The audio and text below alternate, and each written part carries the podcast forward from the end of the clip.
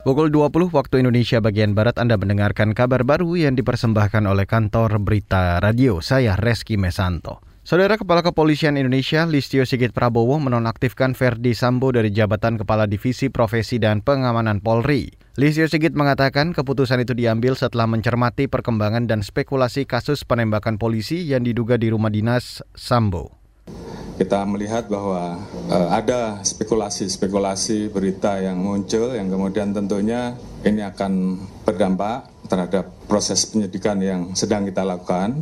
Oleh karena itu, malam hari ini kita putuskan untuk Irjen Pol Verdi Sambo untuk sementara jabatannya dinonaktifkan. Dan kemudian jabatan tersebut saya serahkan kepada Pak Wakapolri. Kapolri Listio Sigit Prabowo berharap keputusan itu bisa membuat pengusutan berjalan baik dan membuat terang peristiwa. Dia menjamin proses penyidikan bisa dipertanggungjawabkan secara ilmiah. Menurut polisi, kasus penembakan di rumah Verdi Sambo terjadi pada Jumat lalu. Penembakan menyebabkan Brigadir J tewas, keluarga Brigadir J melaporkan kasus itu ke Baris Krim Polri.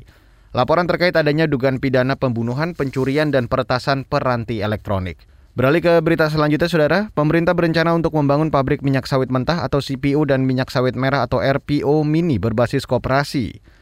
Menteri Koperasi dan UKM Teten Masduki mengatakan, rencana ini merupakan solusi untuk memaksimalkan penyerapan tandan buah segar atau TBS dari petani sawit. Saat ini petani sawit sulit menjual tandan buah segar atau TBS karena harga jualnya rendah. Dengan Pak Presiden tadi sudah menyetujui untuk pembangunan minyak uh, makan merah berbasis koperasi uh, ini saya kira akan menjadi solusi. Karena 35% produksi sawit atau CPO ini berasal dari petani mandiri ya petani swadaya. Kalau dilihat dari luas lahannya 4,41 persen lebih. Jadi ini cukup. Saya kira ini juga solusi bagi uh, distribusi minyak makan untuk suplai minyak makan ke masyarakat. Karena ini makan uh, minyak makan merah ini sudah diketahui sehat kandungan proteinnya tinggi, eh, kandungan vitamin A-nya tinggi.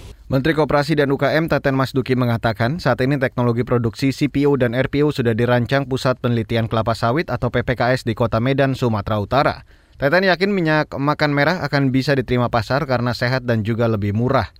Teten menargetkan pembangunan pabrik CPO dan RPO mini berbasis koperasi ini bisa dimulai pada Januari tahun depan. Menurutnya, pabrik CPO dan RPO mini membutuhkan investasi 23 miliar rupiah dengan perkiraan balik modal sekitar 4 tahun. Saudara Kementerian Pemuda dan Olahraga memastikan Indonesia siap menggelar turnamen ASEAN Para Games 2022. Hal itu disampaikan Menteri Pemuda dan Olahraga Zainuddin Amali usai memeriksa venue atau lokasi pertandingan di Solo, Jawa Tengah. Menurut Zainuddin, venue pertandingan sudah selesai dibangun dan siap digunakan. Jadi secara keseluruhan saya melihat bahwa kita sudah siap untuk menerima datangan peserta dari luar Indonesia atau negara-negara ASEAN.